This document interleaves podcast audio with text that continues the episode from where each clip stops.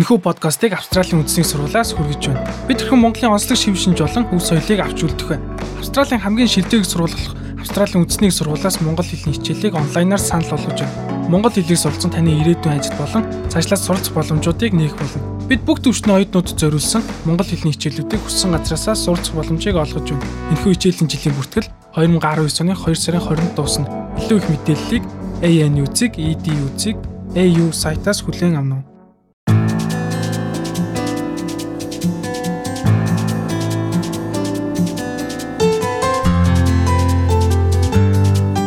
Монголчууд та бүхэндээ SBS радиогоос мэдчилж байна. Мельбурн хотод амралтын өдрүүдээр болсон Мельбурн хотын Сент Килда ирэг дээр цугласан 100 гаруй баруун талыг баримтлагчид болон фашизмын эсрэг тэмцэгчдийн хоорондох халз тулсан жагсаалыг улс төрийн болон олон үндэстний удирдагчид буруутган эсрүүцэж байна. Та бүхэндээ 2019 оны 1 сарын 5-нд Мельбурн хотод болсон энэхүү үйл явдлын талаар мэдээлэл хүргэж байна. Баруун талыг баримтлагчид энэхүү жагсаалд Мельбурн хотын гэмт хэрэг болон арьсангоор гадуурхах асуудлыг онцлон эсэргүүцлээ илэрхийлэн оролцсон байна. Ерөнхий сайд Скот Моррисон Мельбурн хотын Сент Килда далайн ирэг дээрх тэмцлийг барууныг баримтлагчид оролцсон муухай арьс өнгөний үзэлтний тэмцэл гэж нэрлэн эсэргүүцлээ илэрхийлсэн байна. Сайд Моррисон цагдаа нар арга хэмжээг хатуу хяналттай байлгаж тус бүлгэмийг эсрэг талын арьс өнгөний эсрэг тэмцэгчдээс тусгаарлан ажиллаж байгааг цаашааж байна. Австрали улсын засгийн газрын сангийн сайд Josh Frydenberg ерөнхий сайдын мэдээллийг дэмжсэн санал хэлсэн байна. Intolerance has no place in Australia and the anti-migrant views we saw yesterday has no place in Australia. Тэвчээр хатуужилгүй байдал Австрали улсад байх ёсгүй. Мөн өчигдрийн бидний харсан цагаачлалын эсрэг үзэл Австрали улсад байх ёсгүй.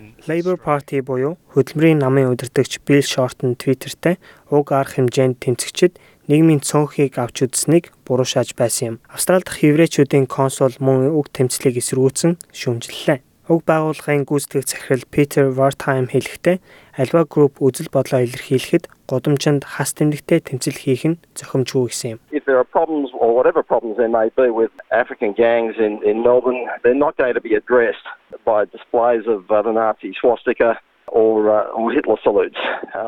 Хэрвээ асуудал байгаа эсвэл Мельбурнд Африкчуудын бүлэгтэй холбоотой ямар ч асуудал байсан нацист хас тэмдэг харуулах эсвэл Гитлерийн мэдлэгээ үзүүлж илчлэх ёсгүй. Эдгээр асуудлуудыг хэдин гэмт хэрэгтнээс бүрдсэн неонацист бүлэг биш, бүрэн их сурвалжтайгаар засгийн газар ил гаргах ёстой. Австралийн олон үндэсний сан мөн арьс өнгөн дээр үндэслэсэн жагсаалыг буруутхан эсрүүцлээ. Уг байгууллагын гүйцэтгэх захирал доктор Хас Делал хэлэхдээ арьс өнгө гарал угсаагаар нь ялгуулах үзлийг ихэнх австралчууд хүлээн зөвшөөрөхгүй гэсэн юм. Wentworth-ийн бие даасан гишүүн Karen Phelps ABC-д хэлэхдээ Австралийн улс төрийн удирдагчид баруун талыг баримтлсан хит туйлшралтай тэмцэхэд бүх зүйлийг хийх ёстой гэлээ. There does seem to be a rise of anti Semitism and neo Nazi behaviour and attitudes in countries around the world, and uh, we, we have certainly historical lessons about this. Дэлхийд даяар семитийн эсрэг үзэл болон неонацизмын хандлага ихсээд байгаа бололтой. Энэ тал дээр манай улсад түүхэн сургамж бий. Тиймээс эдгээр үйлдэлийн эсрэг тэмцэх ёстой. Харин жагсаалд энэ байдлыг эсрүүцсэн хүмүүс манай улсад л биш. Австралчууд үүнийг дэмжихгүй хэмээн жагсаж байсныг харах сайхан байсан. Доктор Phelps, ерөнхий сайд болон сөрөг хүчний удирдагчид Queensland-ийн сенатор Fraser Anning-ийг уг жагсаалд оролцож байгааг яралтай зогсоохыг шаардлаа.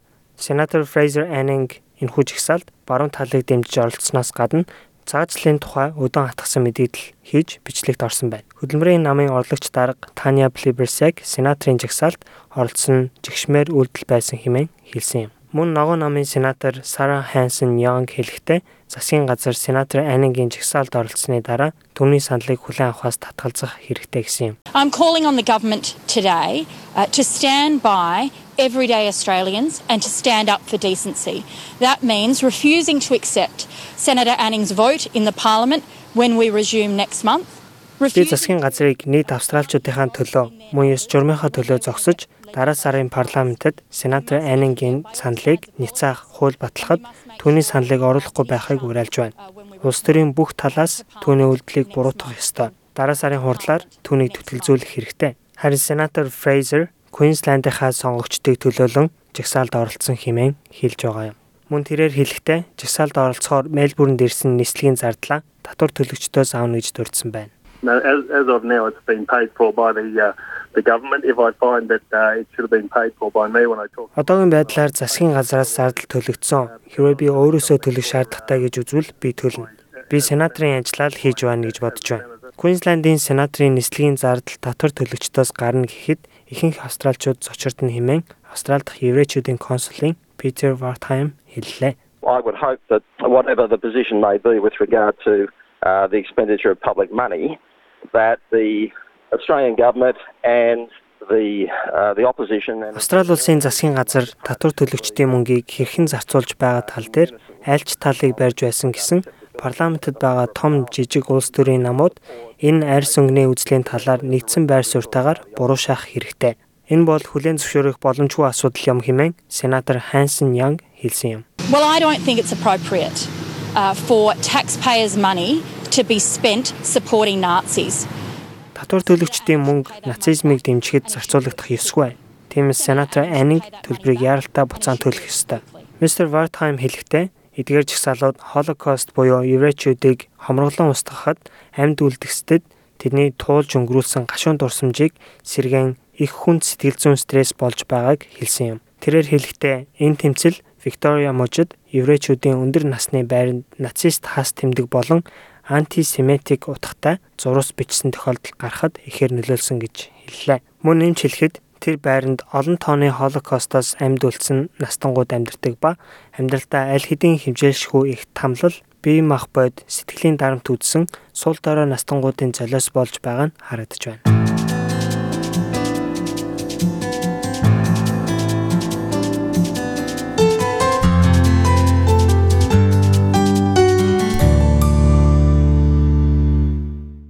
Энэхүү подкастыг Австралийн үндэсний сургуулиас хүргэж байна.